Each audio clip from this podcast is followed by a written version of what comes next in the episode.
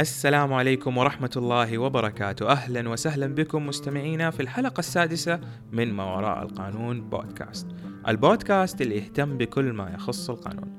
قبل ما نبدأ حلقتنا اليوم حاب أشكر كل من دعم ما وراء القانون بودكاست سواء بالتقييم على تطبيق البودكاست أو ال SoundCloud أو بتعليق واقتراح على تويتر.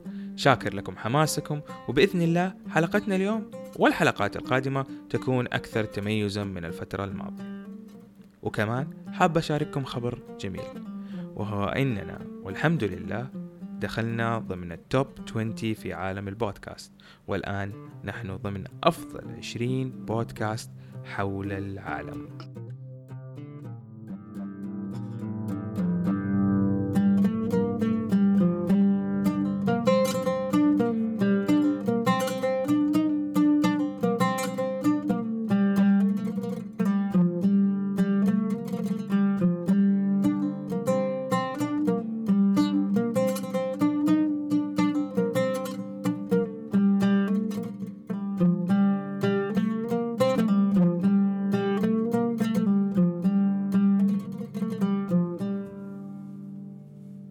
في حلقتنا اليوم معانا ضيفة مميزة محامية وباحثة قانونية ومحاضرة في مجال الملكية الفكرية. أيقونة الملكية الفكرية مستقبلا في المملكة أستاذة لميس باجنيت. نرحب بك في ما وراء القانون بودكاست.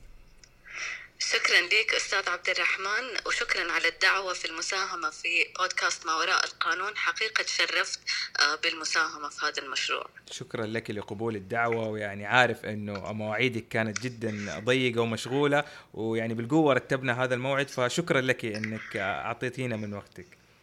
يعطيكم العافية شكرا. الله يسعدك يا رب. آه، أستاذة لميس. في البداية خلينا نبدأ من رحلتك الدراسية. إذا ممكن تقولي لنا آه، كيف بديتي رحلتك الدراسية؟ فين درست البكالوريوس الماجستير؟ كيف كانت الرحلة الدراسية كذا بشكل آه، مبسط وشيق يخلي المستمعين يتحمسوا معنا إن شاء الله؟ أعتقد رحلتي الدراسية بدأت زي أي رحلة دراسية وبدأت بحيرة كبيرة. لما تخرجت من آه، المدرسة آه، الحمد لله الحمد لله تخرجت بمعدل 99 آه،. وكان الحمد لله معدل جدا ممتاز يفتح لي فرص كثيرة. لكن أنا ما كان عندي أي تصور للتخصص اللي أبغاه غير أني كنت كان عندي يقين أنه الطب ما هو التخصص الصحيح لي فالحمد لله وقتها آه، خالي آه، عرض علي فكرة إني أخذ اختبار ميول شخصية. ولما أخذت الاختبار آه، طلعت النتيجة 99% محاماة و1% تخصص أعمال. آه، وبالتالي صرت أبحث على الجامعة اللي توفر تخصص القانون. ومن هنا آه، اتفتح لي الطريق آه، لكلية دار الحكمة آه، كان تاني عام آه، لتخصص القانون في كلية خاصة. وكان بصراحة مجازفة في ذاك الوقت لأنه كان أولا مو معترف آه، بالتخصص في ذلك الوقت آه، لسه. وكان لسه المحاميات ما بيترخصوا آه، أو ما بيجتازوا ترخيص ممارسة المحاماة. لكن بعد ما شفت نتيجة ميولي الشخصية قلت آخذ هذه المخاطرة ودخلت التخصص والحمد لله الحمد لله من أول آه، مادة مبادئ القانون لقيت نفسي فيه وأصبح عندي شغف آه، كبير للتخصص. جميل جدا. ما شاء الله تبارك الرحمن. محامية من الصغر زي ما يقولوا. ما شاء الله. طيب آه، استاذة لميس بعد ما تخرجتي من آه، جامعة دار الحكمة هل قررتي إنك أنت تطلع على طول تدرسي ماجستير؟ أو آه، حبيتي تاخذي فترة آه، خبرة أو عمل مدة سنة سنتين أو أكثر؟ كانت الخطة في ذاك الوقت إني أنا أتخرج وعلى طول آه، أروح أسافر آه، للماجستير. كان وقتها أنا وزوجي تزوجنا وعلى أساس إنه حنروح اسكتلندا آه، نحن الاثنين ندرس الماجستير. آه، لكن لأسباب إجرائية وأسباب الفيزا للأسف آه، ما قدرنا نروح ورجعنا للسعودية واحتجنا إنه نعمل إعادة دراسة لخططنا. وبعدها قررت إني آخذ عام بعيد عن الشغل وبعيد عن الدراسة للراحة. آه، بعد أربع سنوات مليئة بالأنشطة والدراسة وأعتقد كان قرار جدا ممتاز لي في ذاك الوقت. آه، بالنسبة لي اتضحت الصورة أكثر عن خطتي آه، القادمة. وقرار صعب جدا إنه شخص يوقف عن العمل أعتقد. يعني أعتقد كمان كان قرار صعب بالنسبة لك إنك تقرري إنه الآن أنا لازم أوقف لازم أنتبه لنفسي أبدأ أركز مع شخصيتي أحاول أعالج أشياء أو أحاول أتفاهم مع أشياء بواجهها في حياتي. آه، هو أعتبر إيوه فعلا قرار صعب خاصة في ظل طبعا نحن كلنا عارفين إنه في مجتمعنا آه هذا القرار يعتبر مختلف وكان في انتقاد مرة كبير آه على هذا القرار خاصة من بعض الشخصيات اللي كانوا متوقعين مني الكثير أثناء الدراسة بحكم علاماتي أو أنشطتي. فكانوا يستغربوا يقولوا لي أنت هذا كله سويتيه عشان تنتهي في البيت ما بتسوي شيء. آه لكن في النهاية أنا ما كنت بدأت آه عمل. ممكن إذا كنت بدأت عمل وأخذت قرار إني أترك كان حيكون آه أصعب.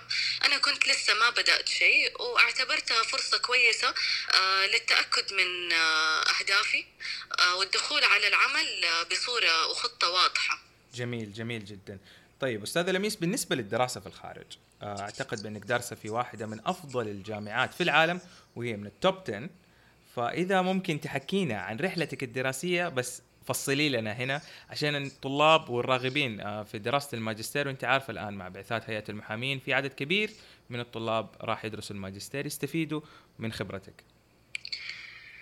أنا درست أنا درست الماجستير في جامعة كاليفورنيا بيركلي ما شاء الله. الحمد لله أخذت ماجستير بتخصصين الملكية الفكرية والقانون الأعمال وممكن بعد شوية نقدر نتكلم على طريقة اختيار التخصص بالنسبة للمسيرة الدراسية بصراحة الحمد لله أنا شعرت بتأسيس قوي من كلية دار الحكمة لما وصلت جامعة بيركلي من حيث طريقة طرح الاختبارات واللغة الإنجليزية. فالحمد لله الحمد لله ما كان صعب بالنسبة لي التأقلم على طريقة التدريس هناك. الحمد لله يعني أعتقد إنه أنا كل يوم هناك كنت أصحى أشعر بامتنان كبير لوجودي هناك وأغلبية تجربتي هناك كانت الحمد لله الحمد لله إيجابية ما كنا ننام كثير أي أحد درس في الخارج يعرف إنه كنا نقرأ تقريبا 100 صفحة يوميا للتجهيز للمحاضرات بس بصراحة كانت تجربة جدا جدا جميلة. تجربة رائعة أكيد 100 صفحة طبعا هذا شيء مو قليل يعني حتخوف الناس إنهم يدرسوا ماجستير. لا إن شاء الله كل أحد قدها وقدود. هو أعتقد إنه بس لازم يكون في رغبة للتطور ولازم يكون في نوع من العزيمة. بعض الشخصيات يشوفوا شيء صعب فيحبطهم. هذا نوع مرة جميل للتحفيز. وبإذن الله أي أحد يكون عنده تحفيز قوي أكيد حيبدع. طيب جميل. أستاذة لميس طيب بالنسبة للدراسة في الخارج إيش أكثر الصعوبات أو أكبر الصعوبات اللي واجهتك في رحلتك الدراسية؟ أم بالنسبة لي ممكن أكبر صعوبة كانت الثقة. إحنا معتادين ممكن إنه يقولوا لنا إنه نحن لما نروح في الخارج حيكون جدا صعب حتكون لغتنا ما هي زي لغتهم حيكونوا ممكن هم أفهم مننا. فبالتالي كان فكرة إني أنا أدخل محاضرة ويكون أسلوب الطرح مبني على النقاش ودكتور بكبره بروفيسور ومن أحسن البروفيسورات في التخصص يطلب رأيي أنا في وسط المحاضرة. كان شيء مخيف بصراحة في البداية. لكن الحمد لله مع الوقت بنينا الثقة وبالعكس لقينا إنه نحن قدها وقدود. ما شاء الله ما شاء الله تبارك الله. الآن حسألك سؤال يعني أعتقد أكيد باعتبارك يعني محاضرة فأكيد إن سألتي هذا السؤال. وأغلب أعضاء هيئة التدريس في جميع جامعات العالم انسالوا هذا السؤال إيش الأهم؟ هل الأهم المعدل ال GPA ولا الأنشطة اللا صفيه؟ من وجهة نظرك أبغى وجهة نظرك أستاذة لميس تقولي لي إيش الأهم؟ أعتقد أنه في النهاية هي وجهتين لنفس العملة لأنه سواء نية الطالب أنه يدرس في الخارج ولا نيته أنه يبحث عن وظيفة هنا في السعودية أو غيره. في النهاية اللي بيبحثوا عليه هي شخصية مختلفة ومميزة. فال GPA طريقة تبرز تميز وفي نفس الوقت الأنشطة اللا صفية طريقة تبرز التميز. بالنسبة لل GPA أعتقد كثير من الطلاب يركزوا على الربع علامة أو النص علامة في حين أنه سواء لما نتكلم على الجامعات أو نتكلم على أصحاب العمل هم عندهم آه، خط فاصل. في GPAs يقبلوها و GPAs GPAs ما يقبلوها. فهو الهدف هنا مو إنه نحن آه، ما ننقص آه، ربع علامة أو نتضارب أو نحارب البروفيسور على نص علامة أو علامة. الهدف هنا إنه نحن نتأكد إننا نجتهد ونوصل لجي بي اي جيد. جميل جدا. أما بالنسبة للأنشطة اللاصفيه يعني أكيد طريقة إبراز تميز الشخصية بيبان في الأنشطة اللي هو بيختارها خاصة لما بتكون أنشطة غير مدفوعة لأنه بتعبر عن شغفه وحبه للعمل وهذا الشيء سواء الجامعات أو أصحاب العمل بيبحثوا عنه. وخاصة الفترة الأخيرة أصبح القانون آه، في إقبال كبير آه، وفي أعداد كبيرة آه، بتتخرج من هذا المجال. فالأنشطة اللاصفية طريقة جدا مميزة إنه الواحد يبان فيها ويظهر فيها في سوق عمل جدا صعب الدخول له. ما شاء الله تبارك الرحمن. الصراحة أهنيك جدا على الرحلة الدراسية ويعني أتمنى إذا ممكن توصفي لنا رحلتك الدراسية بثلاثة كلمات بس. آه، أعتقد آه، ممكن نقول إنها كانت تجارب كثيرة آه، بينت إيجابياتي وسلبياتي. متعة. بصراحة أنا إنسانة أعشق القراءة والتعلم وبالنسبة لي أكبر متعة هي التدريس والتعلم وكانت فرص أبواب كثيرة انفتحت نتيجة هذه الخبرة. تجارب متعة. فرص. جميلة الثلاثة كلمات. أستاذة لميس الآن نبدأ ندخل في المحور الثاني اللي هو محور المسارات المهنية. إيش السبب اللي خلاك تختاري تخصص الملكية الفكرية كتخصص دقيق لدراسته في الماجستير؟ آه، ممكن سبب دخولي لهذا التخصص آه، قصة عجيبة بعض الشيء إنه أنا كنت لما كنت في المدرسة آه، كان مطلوب مننا مشروع تخرج. والمشروع اللي أنا اخترته هو ابتكار لعبة. من خلال اللعبة هذه بيتعلموا الأطفال والكبار عن تاريخ المملكة العربية السعودية. آه، فلما قدمت هذا المشروع كان المطلوب مننا إنه نقدم المشروع للجنة تحكيم آه، مكونة من ثلاثة أشخاص وهم يناقشونا آه، في المشروع. فما كان في كثير مناقشات بس كانت إحدى أعضاء اللجنة أمريكية وسألتني هل سجلتي حقوق المؤلف لهذه اللعبة. آه، طبعا كطالبة آه، في المدرسة آه، ما كنت اطلعت على أنظمة حقوق الملكية الفكرية وكان بالنسبة لي السؤال هذا حقيقة ماني فاهمة هي بتتكلم على عالم أنا حقيقة ماني فاهمته. وكانوا لما بيجهزونا للمناقشة قالوا لنا أسوأ غلط إنكم تقولوا ما نعرف. فبالتالي رديت عليها إنه ما عندي نية للتسجيل لأنه هذا مشروع غير ربحي. وما عجبها الإجابة ونقصتني علامات آه، على آه، آه، نقصتني علامات من العلامة النهائية للمشروع. والهدف من ذكر هذا الموقف ما هو أنه أنا زعلانة أو متمسكة بهذه العلامة لكن بدأت بدأت التساؤلات عندي إيش هو حقوق المؤلف؟ آه وبدأت أسأل معارفي ولما بدأت أفكر إنه نعمل هذه اللعبة آه هي نبهتني لضرورة التسجيل فصرت أسأل المحامين أروح من محامي لآخر أسأله إيش هي حقوق المؤلف؟ وكيف تسجيلها؟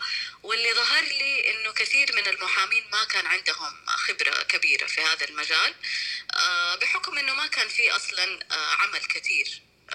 في هذا الوقت. صحيح ما كان في أماكن فالشاهد إنه لما آه، دخلت آه، تخصص القانون آه، كان محاضرنا في مادة الملكية الفكرية دكتور قيصر مطاوع من القليلين جدا اللي متخصصين في هذا المجال. فأول ما عرفت إنه هذا التخصص سألته على طول على الموضوع قال لي في نهاية الترم أنت حتجاوبي على نفسك. وفي نهاية الترم آه، لقيت شغف جدا جدا كبير للتخصص وهذا كان دافع آه، للدخول حبي للمادة مع فهمي وخبرتي اللي أظهرت لي أنه هذا المجال فيه فرص عمل جدا جدا كبيرة لأنه ما في كثير مهتمين فيه. صحيح صحيح. هو للآن أعتقد أنه عدد المتخصصين في مجال الملكية الفكرية لا زال يعني عددهم قليل جدا بالنسبة لتوجهات المملكة 2030 آه، هي ممكن آه، التوجه آه، اتغير في السنة الماضية. قبلها حتى لما أنا كنت بأطلب recommendations أو خطابات من البروفيسورات أو من أصحاب الأعمال اللي اشتغلت معاهم كانوا يقولوا لي طب ليه اخترتي هذا التخصص؟ روحي قانون أعمال.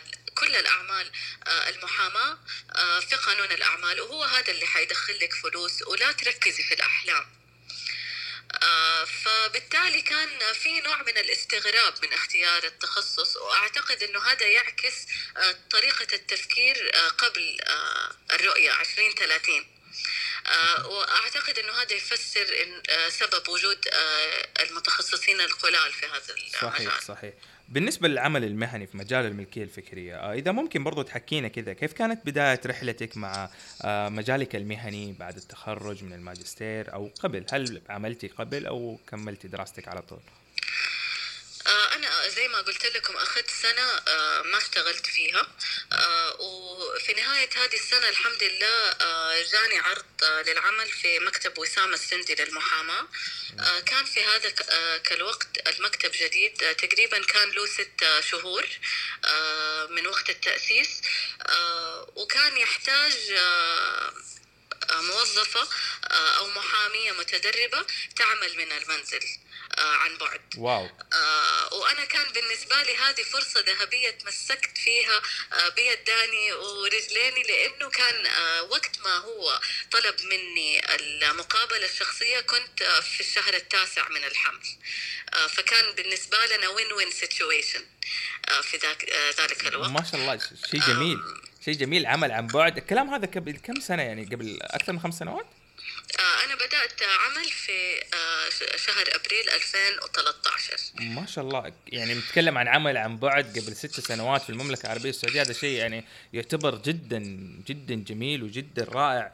يعني فخورين فيك أستاذة لميس. أولا أنك يعني بدأتي مجال العمل عن بعد.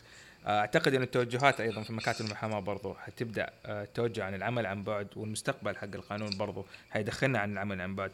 ممكن تحكينا عن التجربة؟ كيف كانت؟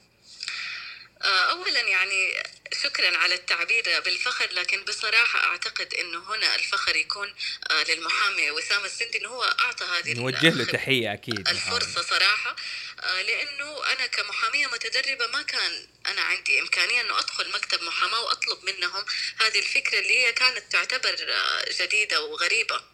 لأغلب المكاتب. آه، بالنسبة لي كانت التجربة جدا آه، مناسبة آه، للمرحلة اللي كنت فيها. وحتى الآن أعتقد أنه هي جدا فعالة لعدة أسباب. أولا التركيز مرة أكبر. لما الواحد بيشتغل في مكان لحاله ما في طلبات عارضة تقطع العمل ما في كثير أصوات أو إزعاجات أو نقاشات جانبية. ما في كل خمسة دقائق بريك شاهي أو نقاشات كثيرة في غرفة الاجتماعات. آه، فأعتقد من هذه الناحية كان ممتاز غير أنها توفر على صاحب العمل آه، توفير مكان للسيدات لأننا كلنا نعرف أنه لها شروطها صحيح. الخاصة. وتوفر علي أنا خاصة أنه أنا كنت في نهاية حملي آه، تكاليف السائق تكاليف السيارة تكاليف دور الحضانة وأعطتني طبعا فرصة أني أكون متواجدة مع بنتي من وقت الولادة وما انقطعت عنها. آه، وبعدين لما ولدت ولدي نفس الشيء وهذه طبعا إيجابية جدا كبيرة. آه، بالنسبة طبعا لأصحاب العمل هذا معناه أنه هم يقدروا يحافظوا آه، على الشخصيات اللي هم دربوها. وما يضطروا إنه هم يوصلوا لمرحلة يخسروهم لسبب اختلاف الظروف الشخصية وأعتقد هذا صحيح. جدا مهم صحيح. لأنه صاحب العمل بي بي يعني بيكون عليه تكلفة جدا كبيرة سواء من الوقت أو من مال إنه يدرب هذه الشخصية وفي النهاية حرام إنه هي تضطر إنها تترك آه، لسبب إنه هي ما هي لاقية آه، بديل صحيح صحيح جدا.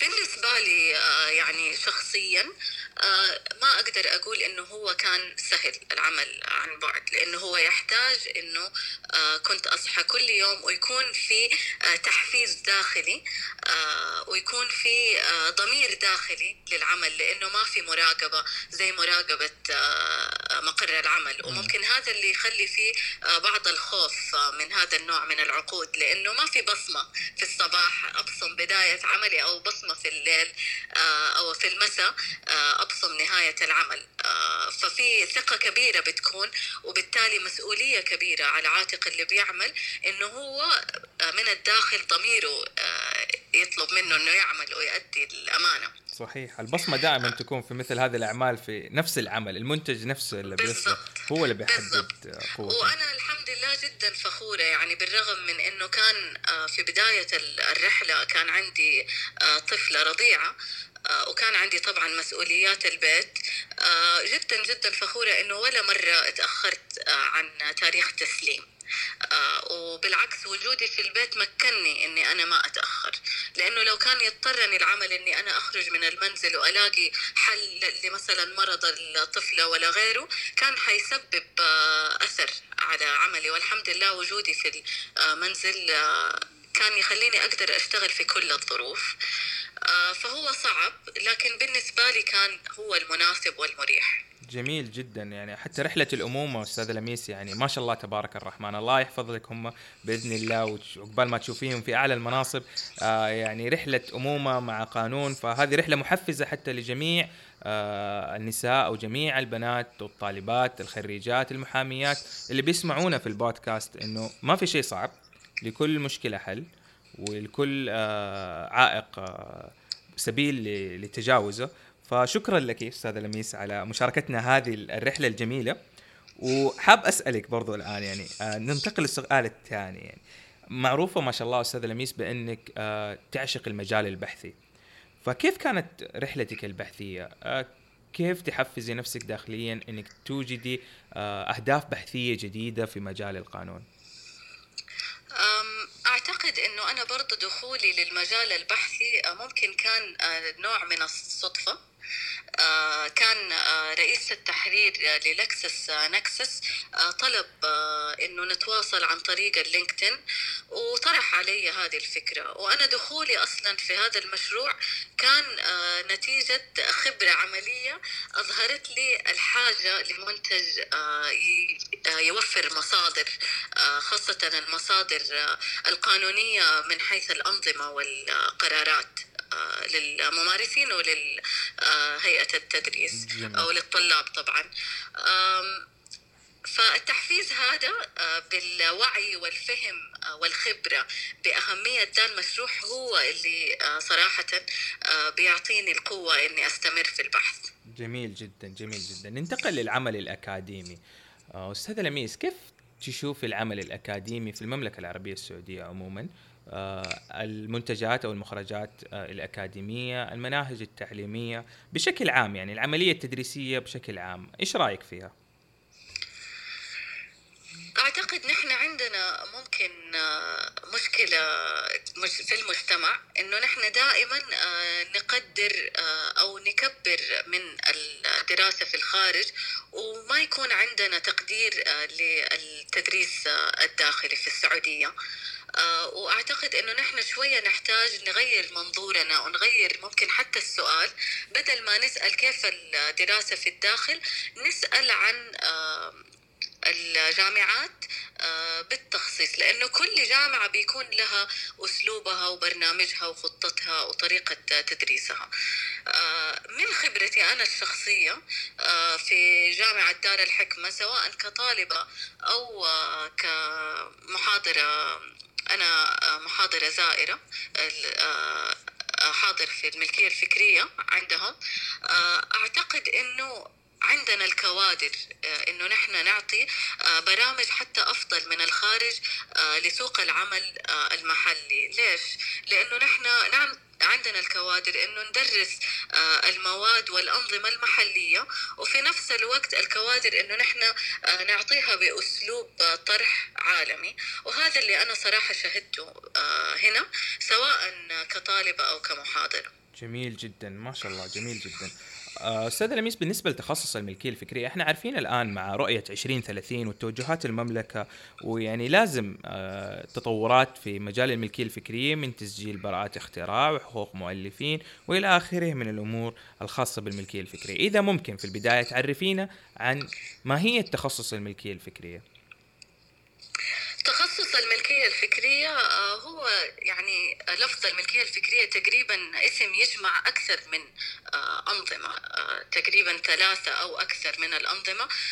هذه الأنظمة كلها بتتعامل مع النتاج الذهني والأعمال الفكرية اللي بيكون لها قيمة مالية. غالبا بتكون أفكار أو اختراعات أو ابتكارات. والهيئة الملكية الفكرية حصرت هذا المجال في ثلاث مجالات رئيسية اللي هي حقوق المؤلف. حقوق المؤلف بتحمي الابتكارات الأدبية والفنية لأصحابها. النوع الثاني هو براءات الاختراع. براءات الاختراع والملكيات الصناعية بتحمي الاختراعات والتصاميم اللي بيكون فيها مجال للتطبيق الصناعي. والنوع الأخير اللي هو العلامات التجارية بتكون أي علامة أو رمز أو اسم أو تصميم ممكن نميزه بصريا وبيكون متصل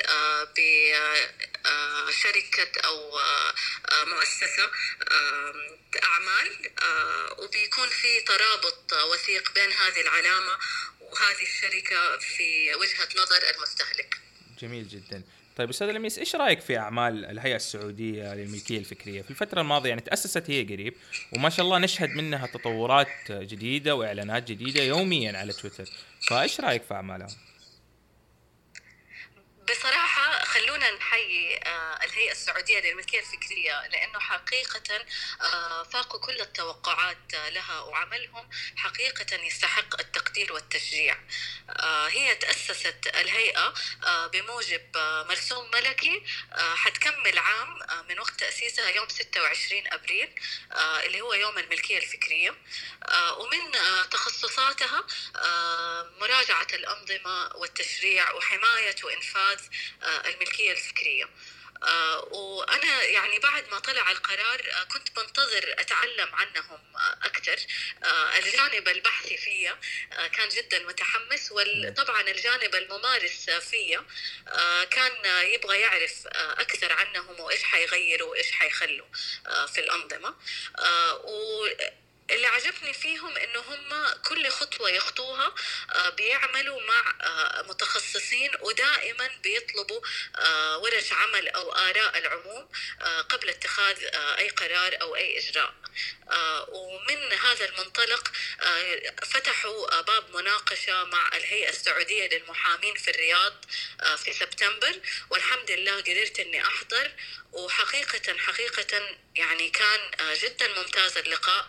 كل خطوة بياخدوها بيضعوا لها استراتيجية واضحة حاطين أهداف قريبة المدى وطويلة المدى. مثلا من الأهداف قريبة المدى إنهم أول عام يبغوا يوقعوا 19 اتفاقية دولية المملكة ما كانت عضو فيها. ومن الأهداف طويلة المدى أنه كانوا بيقولوا أنه في عام 2025 يبغوا يكون في محاكم متخصصة في النظر في قضايا الملكية الفكرية. فحقيقة جدا جدا جميل مو بس يعني التخصص اللي بيشتغلوا فيه بس طريقة تعاملهم مع هذا التخصص. وبصراحة أنا جدا عجبني أسلوب الرئيس التنفيذي الدكتور عبد العزيز السويلم لما كان بياخذ أسئلة الحضور لأنه كانت مجموعة من المحامين وحسيت إنه كل الأسئلة اللي انطرحت كان هو قيد واعي عنها وقيده مجهز لها إجابة وهذا شيء صراحة برضه يستحق التقدير. نوجه له التحية طبعا دكتور عبد العزيز أيضا يعني أنا في لينكدين قبل كم يوم شاهدت يعني حاجة جدا جميلة آه، أحد آه، إحدى موظفات آه، الهيئة السعودية للملكية الفكرية يعني نزلت كيف الهيئة رحبت بها باعتبارها موظفة جديدة. فكانوا مسلمينها box في note وفي خطاب أو كلمة ترحيب بالإضافة إلى USB يعني أسلوب جميل في الترحيب والاهتمام حتى بموظفينها. ويعني كهيئة ما لها سنة هذا شيء يعتبر جدا جميل جدا في في مجالها. جميل. والشيء اللي حابة برضو أضيفه آه، يعني نقطة مرة عجبتني في الطريقة اللي هم بيشتغلوا فيها إنه هم عندهم السلطة في تمثيل المملكة في الاتفاقيات الدولية وكمان عندهم سلطة في اقتراح آه، صياغة الأنظمة المحلية. واللي وجدته إنه في العام الماضي كل اتفاقية دولية آه، هم بيكونوا بيتفاوضوا فيها وكل نظام بيبدأوا في دراسته بيطرحوه للعموم للملاحظات والاقتراحات أول. وهذا الشيء شيء جدا جميل لأنه يفتح مجال للمتخصصين آه، والممارسين في إبداء آرائهم. جميل جدا جميل جدا. طيب آه، أستاذ لميس بالنسبة ل WIPO World Intellectual Property Organization ممكن تحكينا أكثر عنها؟ بشكل جدا مبسط. آه، هي ال WIPO تأسست حتى تكون نوعا ما الراعي أو الجانب الإداري آه، لإدارة آه، اتفاقيتين دوليتين رئيسيتين. آه، كانت في القرن بداية القرن التاسع عشر كان بداية الاتفاقيات الدولية في هذا المجال. بدأت باتفاقية باريس للملكيات الصناعية. وكمان كان في اتفاقية بيرن آه، لحماية حقوق المؤلف. فهذه الاتفاقيتين آه، لما وجدوا أنه ما لها جانب آه، عملي مؤثر بدون ما يرعاهم منظمة دولية مؤثرة أصبحوا تحت مظلة الوايبو. هي حاليا جدا جدا فعالة في في منح الفرص للتثقيف عن الملكية الفكرية سواء للممارسين المحامين أو في المجالات الأخرى. عندهم أكاديمية كثير منها بتكون لقاءات عبر الإنترنت. بالإضافة لكثير من المنشورات اللي بينشروها عن الملكية الفكرية بكل اللغات حتى في منشور كامل بالعربي عن حقوق الملكية الفكرية وحقوق المؤلف والحقوق الصناعية. جدا مفيد وبنعتمد عليه كثير. أثناء التدريس وأثناء إعداد ورش العمل. أعتقد أيضا إنه جميع المنشورات الخاصة بوايبو مترجمة للغة العربية، زرت نعم. موقعهم قبل فترة يعني جميعها كانت مترجمة للغة العربية.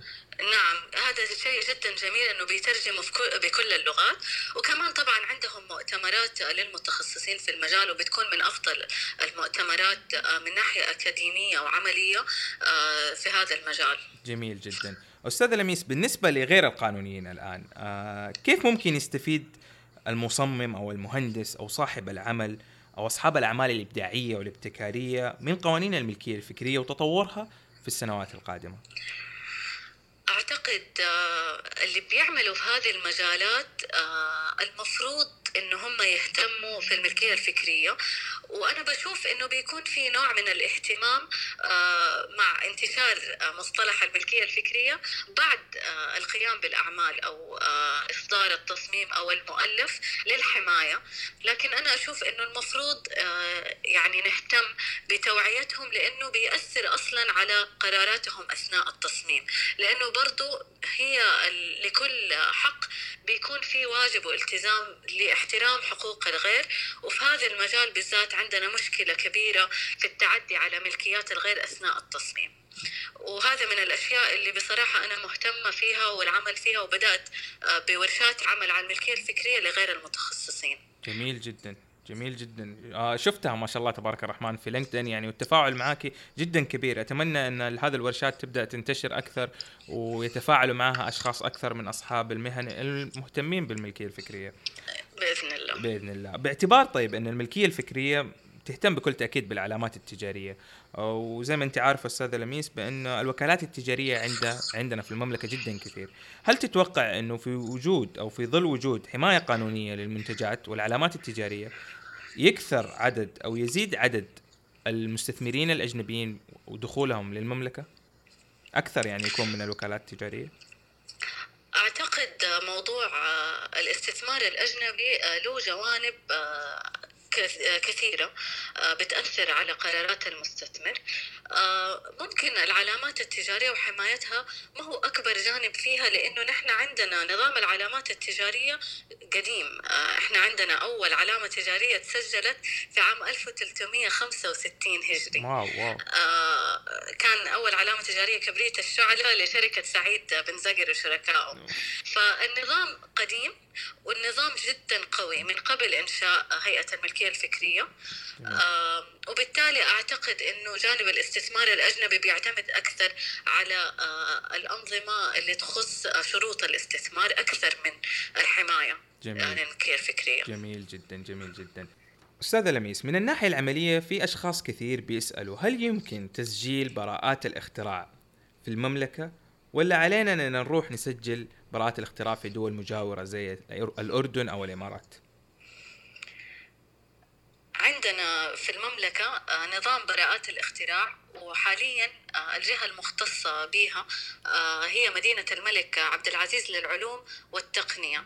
آه، بتنظر في طلبات تسجيل براءات الاختراع والنماذج الصناعية وغيرها من الملكيات الصناعية وبتصدر شهادات تسجيل لها. هل ممكن يسجلوا؟ نعم ممكن يسجلوا. هل يسجلوا خارج المملكة؟ هذا يعتمد على خطتهم العملية لأنه لازم نعرف أنه الملكية الفكرية آه، بصفة عامة آه، تسجيلها وحمايتها آه، بيكون لها نطاق جغرافي مكان التسجيل. فالبعض يحسب أنه أنا طيب سجلت في أمريكا وبيفتخر بهذا الشيء ويستغرب أنه هنا يقول ما في حماية. هو ما مو ما في حماية لأنه ما عندنا أنظمة. هو ما في حماية لأنه هو ما سجل للحماية هنا. فلازم الحماية هذه وقرار مكان الحما... التسجيل يكون آه، في نطاق آه، فهم لأهداف آه، صاحب الحق وطريقة استغلاله لهذا الحق. جميل جدا جميل جدا. أيضا سؤال آخر هل يمكن تسجيل حقوق المؤلفين في المملكة ولا برضو علينا أن نروح نسجلها في الأردن أو الإمارات أو دول مجاورة أخرى؟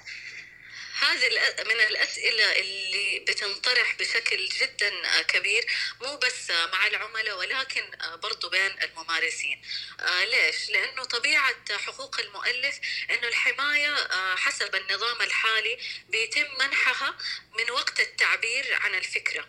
آه، يعني إذا واحد جاته فكرة في باله طالما كتب الشعر أو رسم الرسمة أو كتب الكتاب أو الرواية هنا بيحمي نظام حقوق المؤلف. فبالتالي النظام حقوق المؤلف ما بيشترط التسجيل وكثير من العملاء طبعا آه، بيحسوا بعدم الأمان. آه، لأنه بيحتاجوا التسجيل آه، للراحة طبعا. ومن الأشياء اللي بيحميها حقوق المؤلف آه، الكود أو ال software حق التطبيقات. وبيشعروا بعدم الأمان لما بيطلقوا التطبيق وما بيكون عندهم شهادة تسجيل أو رقم تسجيل يحطوه على التطبيق. آه، لكن هنا بالعكس هذا النظام مرن لحمايتهم. آه، مهم إنه نحن آه، نكون متأكدين انه هم عندهم إثباتات تثبت تاريخ ابتكار هذا المصنف. يحطوا التواريخ ويكتبوا إنه حمايتهم محفوظة. ونجمع إثباتات كافية. لو لا سمح الله أحد تعدى على حقوقهم يكون عندنا وسائل لإثبات حقهم كافية. أما التسجيل فهذا في أغلب دول العالم ما هو واجب وفي أغلب دول العالم بيكون اختياري. نحن عندنا آه، ما زال آه، البرنامج للتسجيل الاختياري لحقوق المؤلف تحت المناقشة. جميل جدا. لا زال تحت المناقشة. التوقعات في إصداره متى بيكون؟ يعني خلال العام القادم عامين القادمين؟ مؤخرا آه، طرحت آه، هيئة الملكية الفكرية اتفاقية التسجيل الاختياري لحقوق المؤلف آه، للعموم. وانتهت المدة المخصصة لإبداء الملاحظات عليها. فأعتقد أنه بإذن الله في الوقت القريب حنسمع عن هذا الموضوع. جميل جدا أستاذ لميس. طيب أستاذ لميس يعني توقعاتك بشكل عام لمستقبل القانون بشكل عام في الخليج آه زي ما انت عارفة يعني الجامعات الخليجية آه مثل جامعة الإمارات، جامعة الشارقة، جامعة البحرين، جامعة الكويت وغيرها من الجامعات الخليجية آه الاهتمام في القانون جدا كبير وأعداد الطلبة المسجلين لتخصص القانون في تزايد ملحوظ. آه هذا غير المملكة. آه، أحتاج يعني تعطينا توقعات من وجهة نظرك الشخصية عن مستقبل القانون بشكل عام في المنطقة. آه، من وجهة نظري آه، شيء جدا جميل الإقبال الكبير على هذا التخصص وهذا شيء كنا حقيقة نحتاجه. المدة أو العمر الزمني لتخصصنا جدا بسيط خاصة لما نتكلم على المملكة.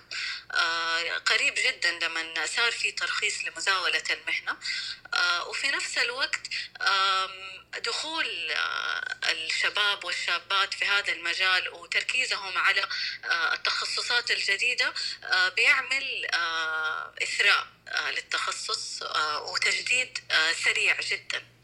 في التخصص. فحقيقة أنا أتطلع أنه بإذن الله حنشهد توسع مرة كبير آه، في مجال القانون ومو بس آه، القانون بصفة عامة بس برضو في مجالات العمل آه، فيه.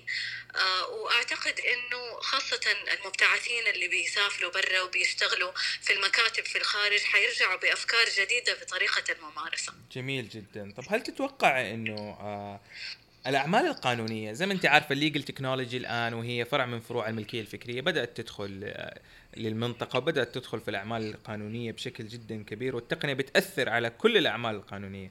هل تتوقع إنه الأعمال القانونية مستقبلا تصبح أعمال روتينية أكثر؟ فعلا آه، مجال الليجل تكنولوجي أو تقنيه المعلومات آه، مجال جدا ثري وفيه أعمال وفرص مرة كبيرة. ومن وقت ما أنا بدأت أشتغل في مجال الملكيه الفكرية تقريبا 99% آه، من عملائي بيكونوا في هذا المجال. بالنسبة للقانون أعتقد إنه أكيد 100% حتختلف مهنة المحاماة ليه؟ لأنه كان زمان آه، الأساتذة المحامين في هذا المجال اللي أسسوا لنا المهنة كان آه، جزء كبير من دخلهم آه، الإجراءات تأسيس الشركات تعديل عقود التأسيس طرح الشركات المساهمة في سوق المال. هذه الإجراءات كان دخلها كبير وكانت هي أساس أعمالهم. لكن مع انتشار التكنولوجيا في جهات في الجهات الحكومية أصبحت هذه الأعمال جدا روتينية وبالتالي صارت سريعة والعميل صار عنده إدراك إنها صارت كلها إلكترونية وما هو مستعد إنه هو يدفع المبالغ اللي كان يدفعها زمان. فهذا الوعي المفروض إنه هو يحفز مكاتب المحاماة إنه هم يجددوا المنتجات اللي بيعرضوها على العملاء ويدوروا على مجالات متخصصة أكثر ما طغت عليها التقنية للحصول على العملاء واستقطابهم. جميل. إعادة تصميم الخدمات يعني أعتقد هي من توجهات لكسس نكسس الخدمات القانونية يعني يجب أن تعاد صياغتها وتصميمها بحيث أنها تخدم عدد أكبر من المستفيدين وتخدم طلباتهم. يعني التوجهات القديمة أصبحت غير مرغوب فيها حتى من العملاء.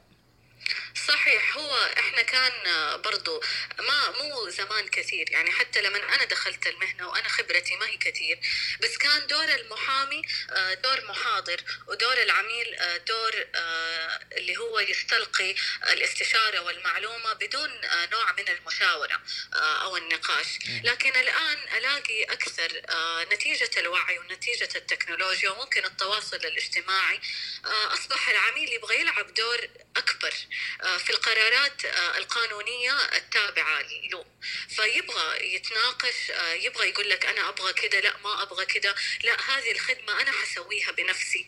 آه، صرنا نسمع هذا الشيء في حين أنه كان زمان ما يقول العميل هذا الشيء كان يبغى يريح نفسه. صحيح. فهذا كله لازم يساعدنا أنه نفهم العميل إيش يبغى بالضبط ونغير من الخدمات المطروحة له. جميل جدا. طب استاذه لميس هل تتوقعي مثلا إنه ليجل تكنولوجي آه، تخلي الأعمال القانونية أو تجعلنا نعمل في أعمال قانونية عن بعد في العشر سنوات القادمة؟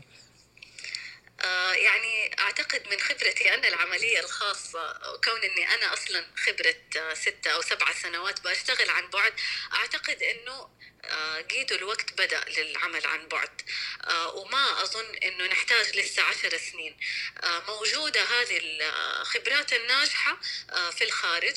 آه وأنا ممكن أقول إنه أنا خبرتي توري إنه هذا الشيء ما هو خاص آه بالمكاتب المحاماة الدولية. آه موجود وممكن يصير آه هنا. آه، فأنا أعتقد أنه هذا الشيء حيصير أسرع من العشر سنين القادمة وكمان في ظل أنه أصبح العميل اقتصادي أكثر في أتعاب المحاماة وبالتالي المحامين ما حيقدروا يطالبوا بالأتعاب العالية وحيضطروا يوفروا آه، في شيء. إيه. فممكن آه، قريبا يكون طريقة التوفير هي إيجار المكاتب. جميل. يقلل يقلل ال cost. الآن شفنا بدأنا نشوف ال virtual virtual offices وبدأنا نشوف انه محامين كثير بدأوا ينتقلوا إلى المكاتب آه، الافتراضية ويعملوا أعمالهم من البيت أو من المقاهي أو يزوروا في اجتماعاتهم المكاتب الافتراضية. وهذا توجه جميل. آه، ما نعرف عن أضراره بسبب إنه ما زال جديد. ونشوف يعني السنوات القادمة إن شاء الله. هي ما هي أضرار قد ما هي آه، مخاطر لازم نكون واعيين فيها. أولا من المخاطر أنه هو يحتاج إدارة بتركيز أكثر. مرة أسهل إنه نحن ندير فريق عمل إذا هو أمامنا من إنه لو فريق العمل مفرق أحد في جدة أحد في الرياض واحد في الخبر آه لازم نركز إنه كل الفريق على دراية باللي بيصير في المكتب وعندهم المعلومات الكاملة. ممكن هذا الشيء يكون إلكتروني آه بحيث إنه يكون في سوفت وير آه آه يخليه سهل على المدير إنه هو يعطي المعلومات آه لفريق العمل. آه وطبعا الإدارة في التاكد من تسليم الأعمال في الوقت وبالشكل آه، المناسب. فهذا الجانب أكيد بيكون أصعب آه، لكن هذا ما أعتبره عائق بس أعتبر أنه هذا الشيء لازم نكون واعيين به والشيء الثاني آه، بالنسبة للمكاتب اللي جربت العمل عن بعد في مجال القانون أو غيره بيكون في شعور بالانفصال أو الوحدة لما بيشتغلوا مية في المية عن بعد. وهذا الشيء نحتاج لما نصمم الأعمال عن بعد نكون واعيين به على أساس لما نبدأ جديد آه، نخلي ده الشيء في بالنا ونفكر في طريقة آه، نعالج هذا الموضوع. صحيح وأيضا في تطبيقات كثير يعني عن لتنظيم الأعمال وإدارتها عن بعد مثلا سلاك أيوه. رايك وغيرها من التطبيقات فاتوقع أيوه. التوجه حيكون جدا كبير عن على هذا الموجود على هذا الشيء مستقبلا بإذن الله. صحيح.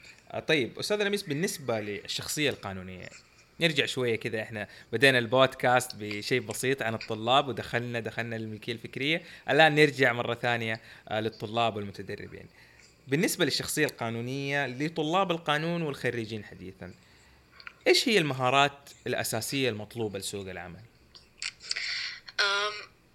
أنا ممكن حيكون إجابتي شوية مختلفة عن الإجابات اللي عادة بتنعطف لهذا السؤال لكن أنا أحس الطالب أو المتدرب الذكي هو اللي يدخل المهنة بوعي أنه يحتاج مهارات مختلفة لمراحل مختلفة من المهنة ليش؟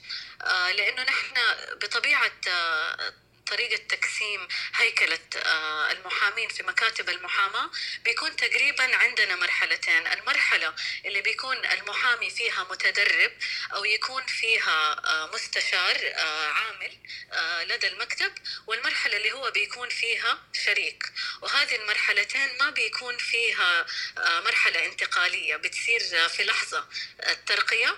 وبتختلف تماما آه، الالتزامات في هذه المرحلتين آه، وما بيكون في تدريب آه، أو وعي بالمهارات اللي بيحتاجها لما بيوصل لمرحلة الشراكة. فخلونا نتكلم بالمرحلتين منفصلة إذا ممكن. جميل جدا. يا ريت والله تفيدينا. يعني أنت عارفة آه. كمان بخصوص الشراكة آه مو كثير من الشركات أو المكاتب تتوجه للشراكات المهنية. يعني أعتقد أنه هو توجه خاص بالهيئة توجه لكثير من المحامين. لكن لا زال لا زال الوضع يحتاج إلى زيادة أكبر في التوجه إلى الشركات المهنية. فعلا. وأنا برضو تاني أحيي هيئة الهيئة السعودية للمحامين إنها بدأت تناقش هذا الموضوع آه، في المؤتمرات وفي لقاءات المجتمع القانوني. ولسه هذا الأسبوع حضرت آه، مناقشة جدا جميلة بإدارة الدكتور طارق آل إبراهيم تناقش موضوع نجاح ومقومات الشركات المهنية. وهذا الشيء جدا مهم إنه نحن نتناقش فيه.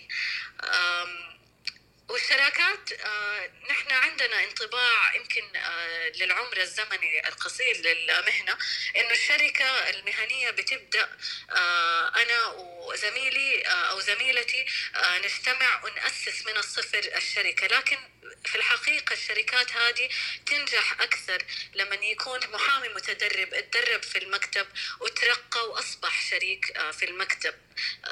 وهذا الأسلوب اللي بيستخدموه أكثر المكاتب المحاماة الكبيرة والناجحة في الخارج. صحيح صحيح جدا. طيب فالآن بالنسبة للمهارات اللي يركزوا عليها المحامين المتدربين والطلاب آه، لمرحلة التدريب ومرحلة العمل آه، كموظف أو مستشار عامل في المكتب آه، أعتقد أنه عندنا مهارات تخص أي شخص يعمل في أي مجال أهمها اللغة وممكن أهم كمان في المحاماة أنه يكون عندنا لغة عربية قوية للتعبير عن الاستشارات والمرافعة بالإضافة أعتقد أنه أصبح الآن ضرورة أنه نعزز هذه اللغة بلغة ثانية آه، لأنه آه، صار المجال يحتاج للعمل الدولي وصار زيادة اللغات آه، طريقة للتميز في المجال. ممكن تكون إنجليزية وهذا كثير من المجالات بتنفتح بهذه اللغة. لكن الآن بنشوف أنه اللغة الفرنسية أو الصينية أو اللغات الثانية أصبح فيها برضو مجال كبير للعمل. فعندنا موضوع اللغة موضوع الكتابة أكيد مية في المية والكتابة القانونية لأنه المفترض أنه آه، بعد أربع سنين آه، البكالوريوس يكون عزز مهارة الكتابة الأكاديمية لكن الكتابة القانونية بتكون مختلفة تماما في أسلوبها وطريقة طرحها فهذه مهارة تحتاج تنمية. آه، عندنا كمان مهارة التفاوض آه، جدا مهمة سواء حندخل آه، مجال القضايا أو مجال الاستشارات. يحتاج المحامي أو المحامية عنده قدرة على التفاوض مع زملائه مع مديره وكمان مع العميل. وطبعا كمان البحث القانوني آه، البحث آه، كثير مننا يستسهل الموضوع. وممكن في الفترات آه، السنين الأخيرة مع زيادة الدخول على مواقع التواصل الإلكتروني صار سهل علينا أنه نوصل للمعلومة وهذا صار فيه إثراء للوعي. لكن ما صار فيه صبر أو إمكانية للتعمق في البحث. وما صار عندنا المهارات اللي نستطيع من خلالها آه، نجري البحث القانوني الصحيح. فهذا مجال آه، مهم إنه نحن ننميه. آه، إذا نبغى نعمل سواء في مجال المجال المهني أو حتى في المجال الأكاديمي. جميل جدا. بالنسبة للمهارات الخاصة بالشراكة أعتقد مهم إذا محامي آه، أو محامية متدربة تطمح آه، للوصول أو الدخول في شراكة أو حتى يطمحوا في فتح مكتب خاص بهم مهم إن هم ينموا قدرتهم على استقطاب العملاء لأنه هذه في النهاية مهارة. كيف نقدر إحنا نكسب العميل؟ بطريقة ما تخوفه أو يشعر بالتسويق وفي نفس الوقت يكتسب ثقة المحامي. والنقطة الثانية كيف آه، تستمر العلاقة مع العميل. كثير من المحامين آه، جدا شطار في أنهم يستقطبوا العميل آه، يوفروا له خدمة. لكن نجاح المكتب أو نجاح المحامي يعتمد على قدرته على أنه هو يستمر في علاقة معاه طويلة المدى. على أساس هو يفيد عميله وكمان شغله يستمر. والنقطة الثالثة بالنسبة لي بالنسبة للشراكة آه، هي النتوركينج آه، أو طريقة تكوين شبكة علاقات. وهذه ممكن مهارة ما بنتكلم عليها كفاية في الشرق الأوسط. صحيح صحيح جدا. يعني حتى في كطلاب دائما بنحاول نقول لهم إنه ترى الحياة الجامعية ليست فقط حياة من أجل الدراسة بل حتى لبناء العلاقات ابني علاقة جيدة مع زملائك الطلاب مع المدرسينك والدكاترة وأعضاء الجامعة بحيث إنه حتى في المستقبل ممكن تستفيدوا من بعض. فعلا هو يعني سبحان الله أحيانا الواحد يروح آه، لقاء أو يروح آه، لنشاط معين ما يكون في باله هذا الشيء. لكن لما يكون شبكة علاقات ويحافظ عليها آه، أحيانا تكون مفتاح لنجاحه في سنين قدام ما كان أتوقعه.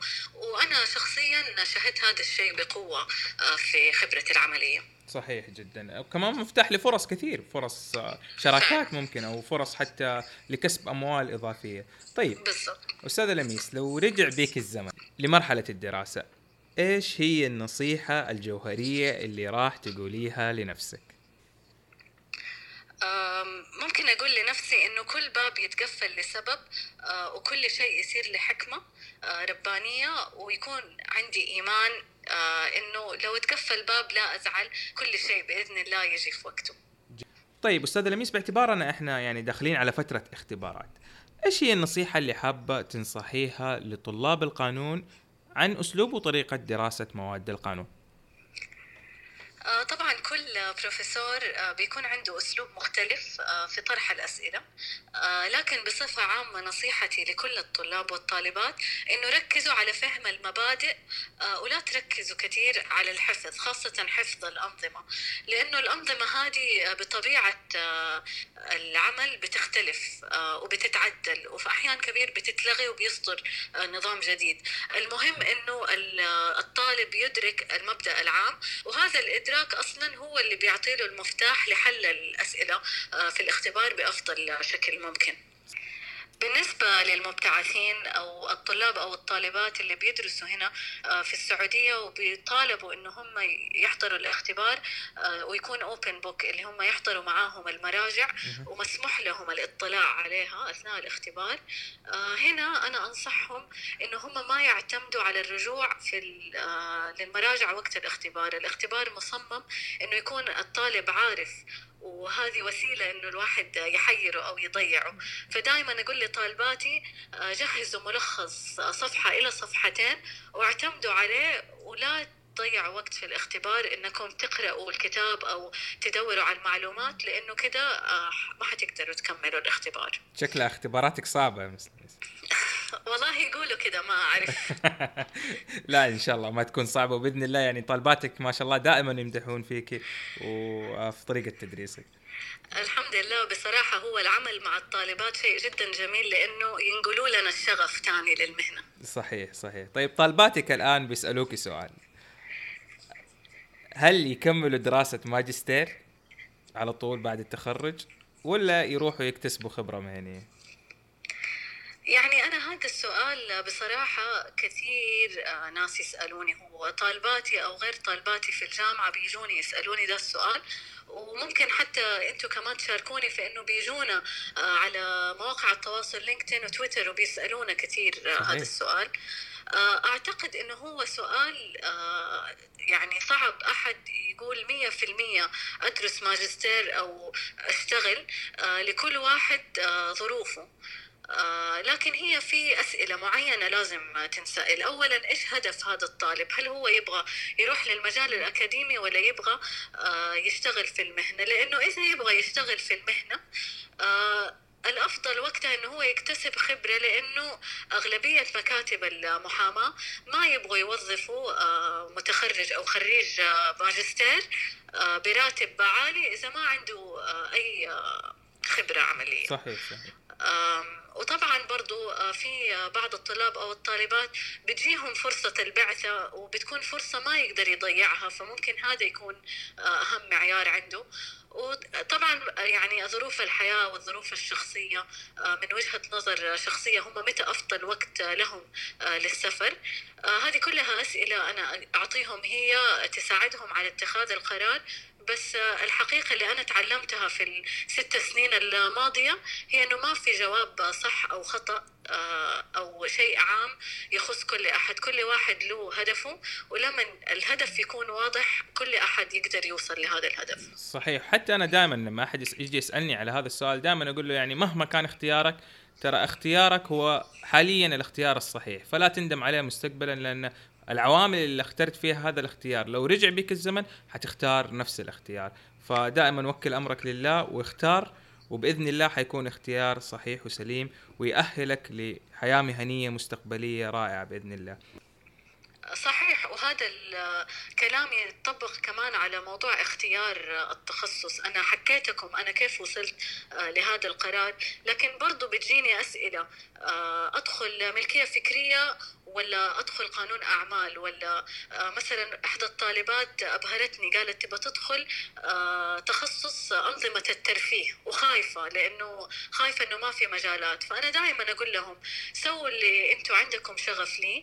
آه، في النهاية كدراسه خاصة المبتعثين حتقرأوا كثير في حيتطلب بحث كثير في هذا الموضوع ولما ترجعوا للعمل آه إذا ما في هذا المجال أنتم تفتحوا لو تبغوا تفتحوا آه وإذا آه ما تبغوا تفتحوا تقدروا تتعلموا مهارات العمل آه يعني عادي أنت تتخصص آه يعني ترفيه وتشتغل في قانون أعمال. مو في خريجين الشريعة بيشتغلوا, بيشتغلوا في, في القانون صحيح. في أحيانا خريجين أعمال بيشتغلوا في القانون التجاري صحيح جدا. إيوه وأنا كمان أقول لهم إنه مو لازم حتى ننحصر في واحد تخصص. آه، أنا في تجربتي لما كثير ناس استنكروا الملكية الفكرية آه، لقيت إنه حل وسط إنه أنا آخذ آه، تخصصين. أتخصص ملكية فكرية مع قانون أعمال. على الأقل الواحد بيكون عنده plan B ويتميز في إنه يجمع تخصصين في واحد. فهي في خيارات كثير أهم شيء الواحد يعرف هدفه. جميل. وأعتقد كمان إنه حتى التخصصات الآن يعني حتى الجامعات العالمية بدأت تدمج في تخصصاتها تكون فيها تخصص ملكية فكرية وتكنولوجي مثلا آه، أعمال وتجارة استثمار وملكية فكرية مثلا. فحاولوا يدمجوا مثلا قانون رياضي وقانون أعمال. دائما يعني في مجالاتهم حتى في مجالات التدريس بدأوا يحاولوا يدمجوا بين التخصصات لأنه أعتقد المستقبل بيتوجه إنه يكون عند الشخص معرفة أكبر. صحيح. وفي النهاية كل واحد عنده في شخصيته ومهاراته ما يميزه. فالتمسك في هذه الميزات هي إثراء ما هي سلبية. صحيح جدا. طيب أستاذ لميس في ختام البودكاست اليوم يعني ما شاء الله تبارك الرحمن هذا أطول بودكاست في سجلناه في ما وراء القانون. يعني جدا جميل وجدا مثري وأعتقد انه كل المستمعين راح ينبسطوا فيه ويستفيدوا من المعلومات الثرية اللي قدمتيها لنا. أتمنى تعطينا نصائح ختامية بالإضافة إلى كتب تنصحي مستمعينا إنهم يقرأوها آه، بالنسبة للنصائح آه، ممكن ألخص كل تجربتي في ثلاثة نصائح آه، مهمة. أول شيء ما في طريقة صح أو طريقة غلط بس لازم يكون في حوار أيا كان مسارك العملي. سواء كان أكاديمي أو في مكتب محاماة ما حد حيعطيك حقوقك لازم تنتزع حقوقك وتاخذ اللي تبغاه آه، بحوار مفتوح مع زملائك آه، مع شريكك ومع آه، مديرك. النصيحة الثانية اللي يميزك تمسك به لأنه أصبح كثير كثير في خريجين قانون وكل أصحاب الأعمال وكل العملاء بيدوروا على الشيء المميز. ومهم أنه الواحد يعرف يعمل لنفسه براندنج سواء كان يبغى يجد وظيفة أو يبغى يبدأ عمله. وهذا يعتمد تماما على الجانب المميز في الشخص. والنصيحة الثالثة آه، العمل ما هو كل شيء آه، والهوايات شيء جميل. آه، في مجموعة مننا ممكن كان عندهم إيمان إنه الهوايات تخلي الشخص ما هو جاد كفاية أو عيب إنه الواحد يشتغل في هوايات معينة.